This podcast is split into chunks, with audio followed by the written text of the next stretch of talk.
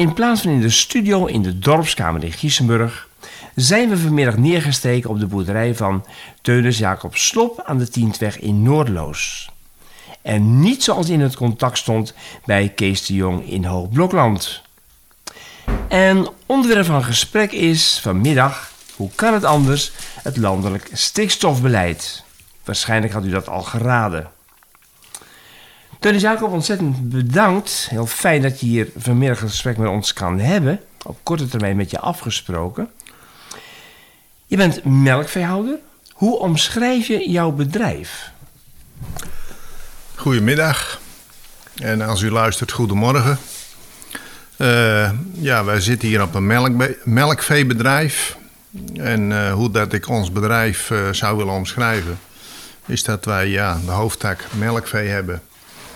En in ons geval is dat sinds 1994 een biologisch melkveebedrijf.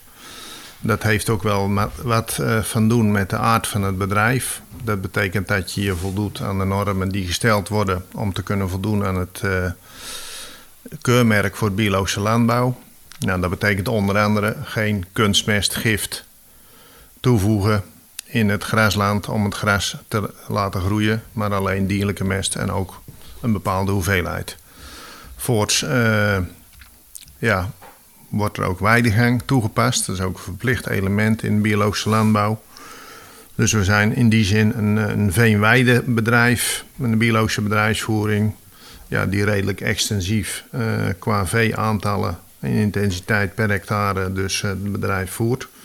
Welke aantallen praat je over, ja, Jacob? Ja, wij melken nu uh, rond de 130 melkkoeien en daar hebben we, ja, ik denk op dit moment 120 eh, hectare eh, grasland voor beschikbaar. Dus ja, daar heb je het over een heel extensief uh, melkveehouderijbedrijf.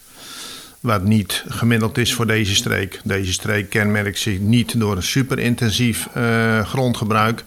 Maar wel een stuk intensiever dan dat wij nu op dit moment doen. Ja. Hoeveel geslachten slop hebben er geboerd in Noordloos? Geslaagde slop in Noordloos. Ja, ik denk dat ik de derde geslaagd ben. Uh, en daarvoor uh, afkomstig uit Hoornaar. Dus uh, nou ja, en, en de stambomen gaan nog wel enigszins een paar jaren verder terug. Maar de roetsten dus, die zijn niet eeuwenlang in Noordloos, maar ze zijn van buiten naar Noordloos gekomen. Maar wij zijn dus in, opgegroeid in, aan de Noordzijde, Noordzijde 8 in Noordloos en bedrijf in de ruilverkaveling kunnen verplaatsen naar de Tientweg. Ja, ik was toen 18, ik zat op de middelbare landbouwschool. En uh, de u welbekende Rijkslandbouwvoorlichter Jo van Vuren, vader van Hendrik. Nou, die adviseerde dus toen de tijd ook, toen de tijd is midden jaren 70, de ruilverkaveling gestemd en gestart in 69. Een eerste proefverkaveling die is in Gisje Nieuwkerk geweest. En de volgende stroom van verkavelingen die kwam toen op gang.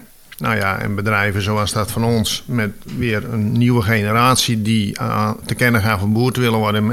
In ons geval was ik dat. Nou, die werden dus min of meer begeleid, geadviseerd van joh, je zou dat kunnen doen onder, in het kader van de ruilverkaling, een bedrijf verplaatsen. Dat betekent dat helemaal opnieuw begint, nieuw bedrijfsgebouwen, up-to-date op dat moment, maar wel gericht. En dat is denk ik goed te weten in de context, dat toen het adagium was, eigenlijk afkomstig vanaf de Tweede Wereldoorlog, nooit meer honger, voldoende voedsel tegen een acceptabele prijs voor de consument. Dus in die stroom hebben wij ons bedrijf in eerste instantie ook ontwikkeld.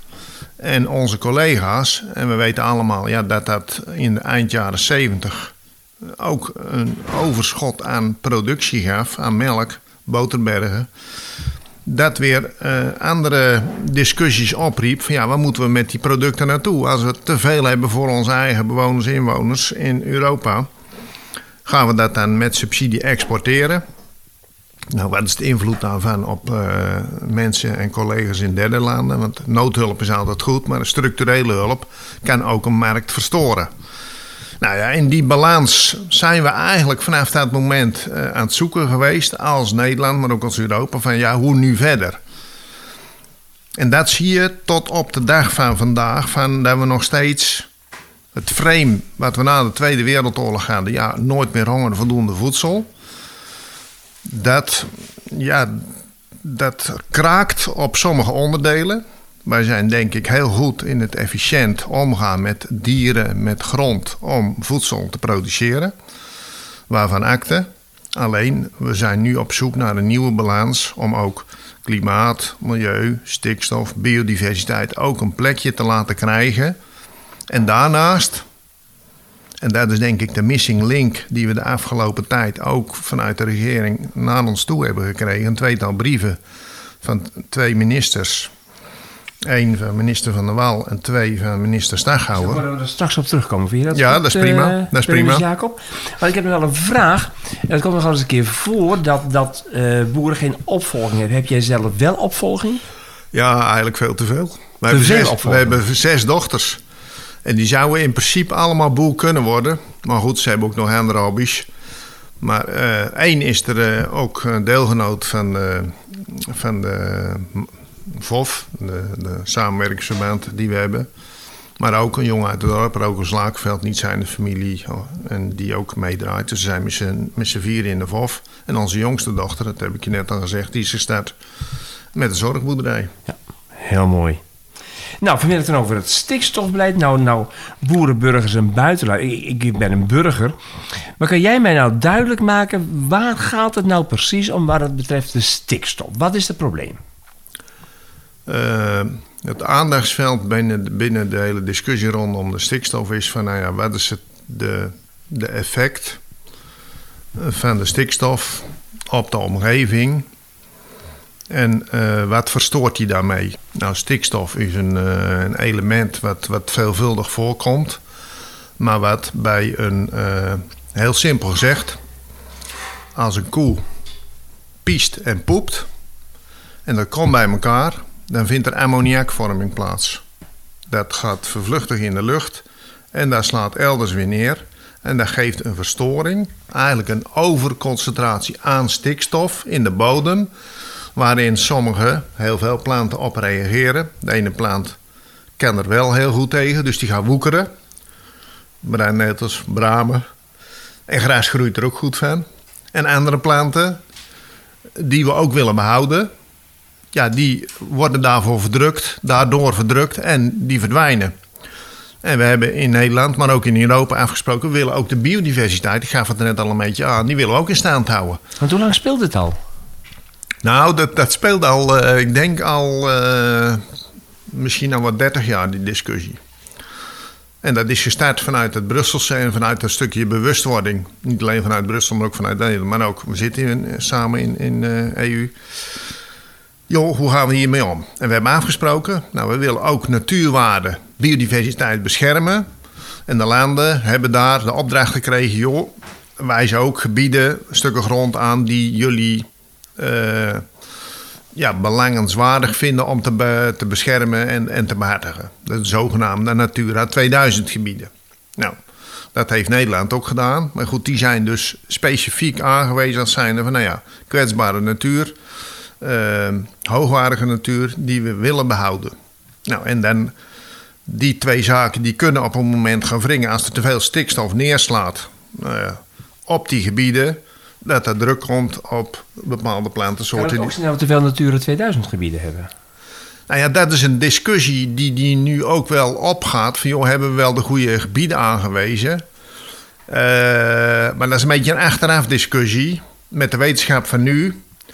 Maar ten principale eh, zeg je daar ook mee... eh, we vinden eigenlijk die natuur minder waardevol. Laat ons lekker doorgaan. Zo- En, en dat is nou net... Dan draai je weer die kant om... En ik zou hem liever de andere kant op omdraaien. Stel boeren in staat om op termijn te voldoen aan en geef ze ook de goede handvatten. 10 juni. Een datum die niemand snel zal vergeten. De plannen van de overheid om de uitstoot van stikstof terug te brengen, die worden openbaar gemaakt. Waar was je op dat moment toen je het hoorde en wat was je eerste reactie? Ik denk dat ik thuis was. en mijn eerste reactie was eh, heftig. En mijn tweede reactie was jammer.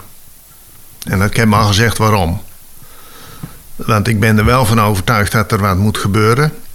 En we zijn als Nederland kampioen om zaken op onze manier op te lossen. En dat is goed. Wij zijn innovatief op vele fronten. Ook richting het Brusselse. Maar we zijn ook kampioen om de hete aardappels soms iets vooruit te schuiven. En dat is niet alleen eh, de sector, maar de overheid doet dat ook. En dan kunnen we elkaar natuurlijk de zwarte piet toeschuiven. Dus er moest ook een keer wat gebeuren. En we hebben sinds 2019 heeft de, de rechter ook een uitspraak gedaan van jongens, dit beleid, dat kunnen we niet uh, als samenleving op deze manier doorzetten. Uh, nou, en drie jaar later, en dat is nu dus, is dit uh, bijna een boemerang. Waarin de overheid middels twee brieven, die eigenlijk los van elkaar wel op hetzelfde moment duiding geven. Enerzijds aan de, de, de, de, de, de problematiek stikstof. En anderzijds, joh, wat dan met die boeren? En vooral die laatste, ja, dat is, een, dat is bijna inhoudsloos, met alle respect. Wat, wat, wat gebeurt er op zo'n moment? Hè? Je, nou, we gaan ervan uit, je bent thuis, een schrikreactie van heftig. Wat doe je dan? Zoek je dan contact met andere boeren? Zoek je contact met andere organisaties? Laat het eerst bezinken. Wat, wat gebeurt er op zo'n moment met je? Nou, uh, ik val er niet gelijk van mijn stoel van. En dit zat natuurlijk voor een deel zat er ook een beetje aan te komen. Alleen hoe, wat, wanneer en de intentie daarvan is niet helder.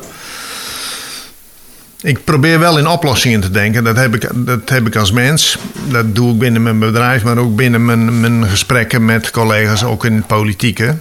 En ik heb in mijn vorige leven, zoals je weet, eh, ben ik ook wethouder geweest in de gemeente Molenlanden.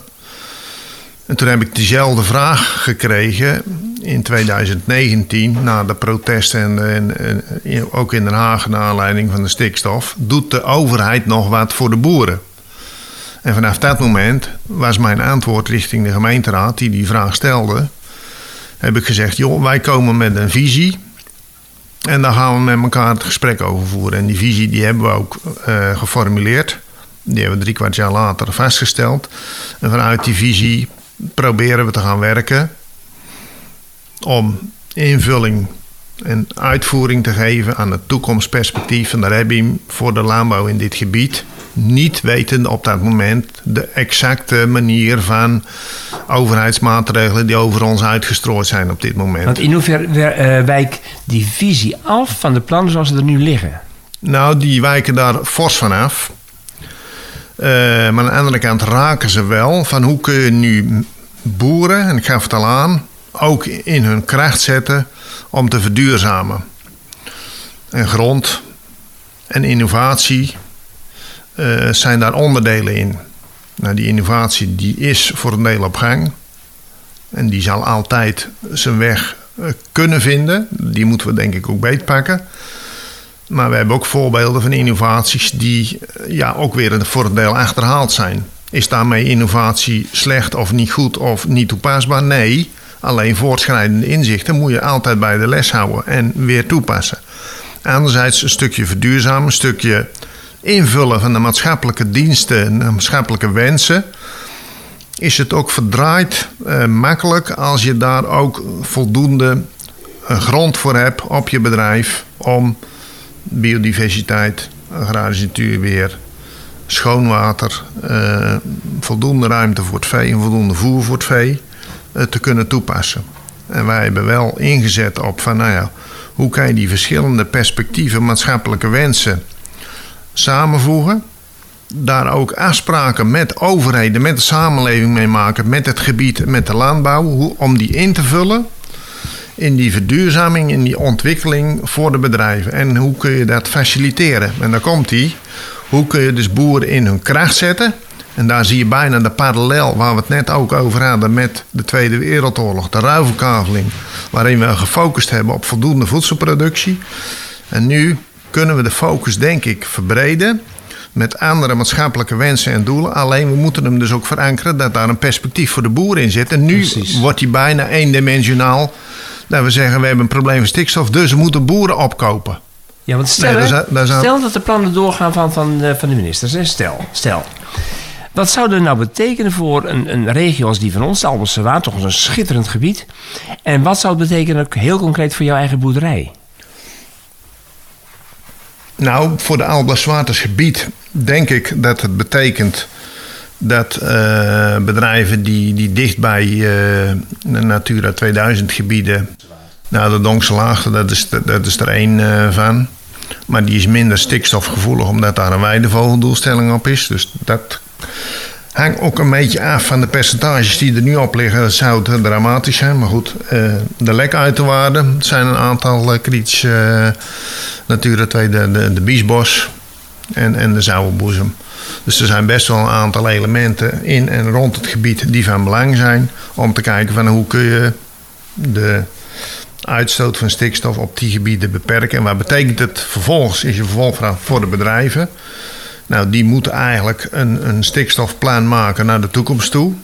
En we hebben gisteravond een inhoudelijke discussie met, uh, met mijn opvolger, uh, wethouder uh, Lokgaat.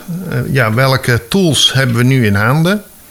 Als we dit doen, dat we kunnen weten van daarmee bouwen we stapjes om te voldoen aan de richtlijn. En dat is ook nog niet helder, dat de overheid zegt van, nou ja goed, dit is de gereedschapskoffer en dat kun je onder andere invullen.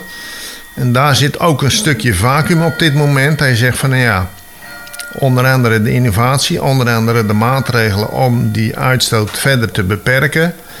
Zijn die acceptabel? Zijn die ook uh, wetenschappelijk geborgd en onderbouwd? Dat we beide weten, joh, wat is wel of wat is niet toepasbaar. Maar wat betekent dat voor jouw bedrijf concreet? Dat weet ik niet op dit moment wat het betekent uh, voor mijn bedrijf. Want het uitwerking van het hele plan, ja, dat, dat, uh, dat zal nog wel even duren. Aan de andere kant, ik zei al, we zijn redelijk extensief. Er wordt uh, heel veel weidegang toegepast.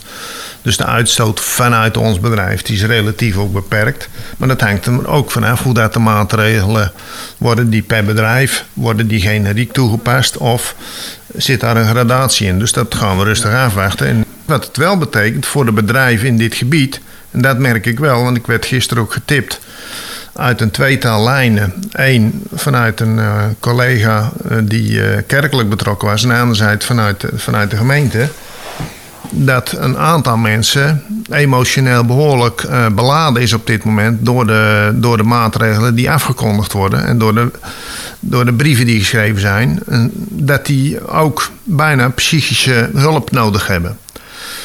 En daarbij wil ik deze oproep wel doen aan iedereen die dat betreft. En dat kan zomaar dat je zegt van joh, hoe moet, hoe moet ik nu verder? Precies wat jij zegt met je bedrijf. Ga dat niet voor jezelf alleen proberen te houden, maar bespreek dat. Dat wil niet zeggen dat er altijd op dit moment een oplossing is.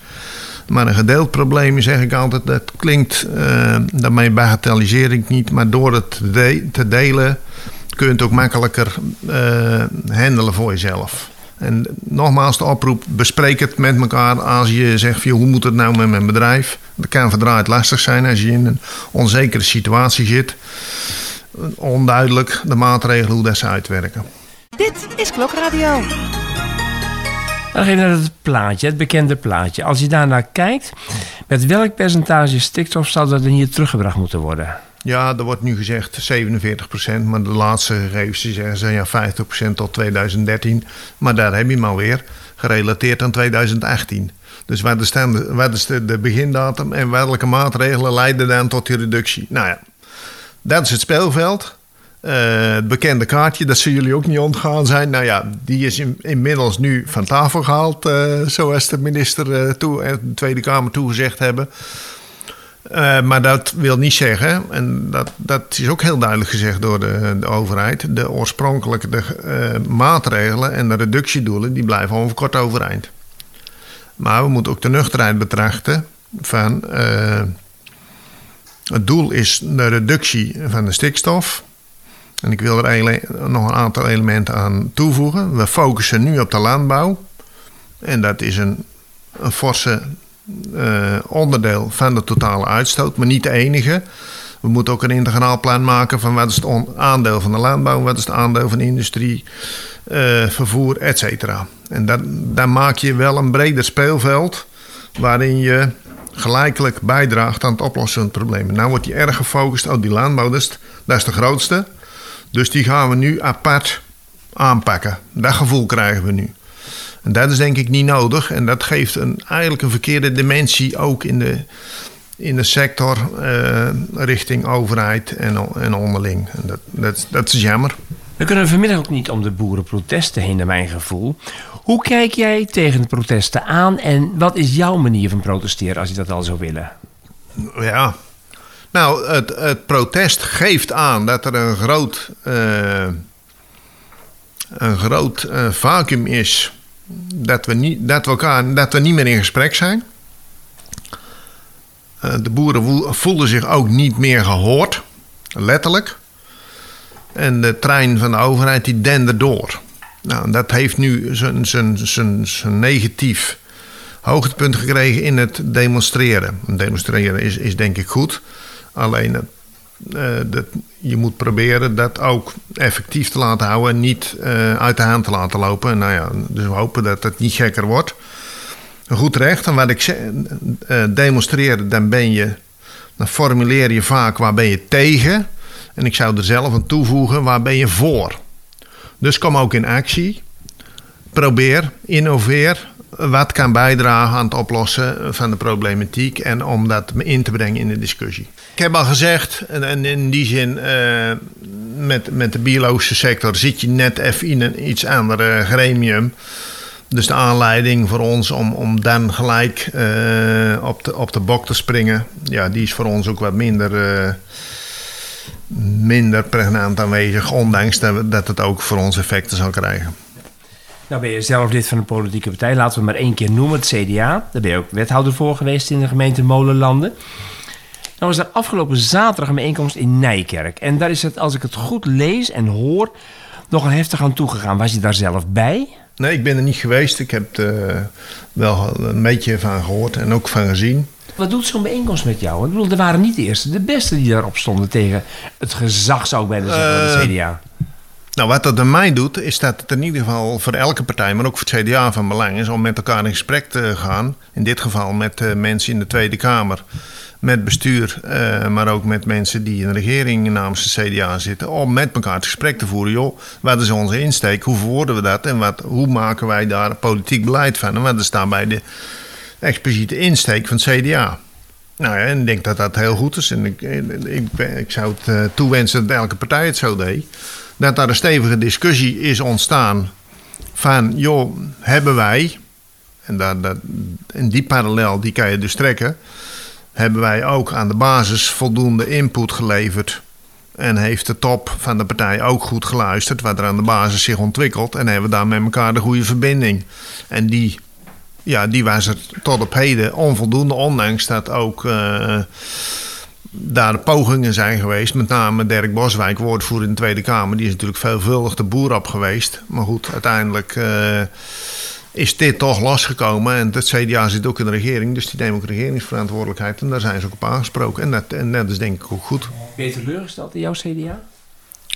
Uh, laat ik zo zeggen. Ik ben positief kritisch op het CDA. En uh, doe je genoeg, dat kan altijd beter. En laat ik, eh, laat ik hem ook omdraaien. Het CDA heeft in het verleden natuurlijk ook zelf regeringsverantwoordelijkheid, maar ook de minister, geleverd. En dit is een geschiedenis die langer is dan deze kabinetsperiode. Dat wil ik erbij aangeven.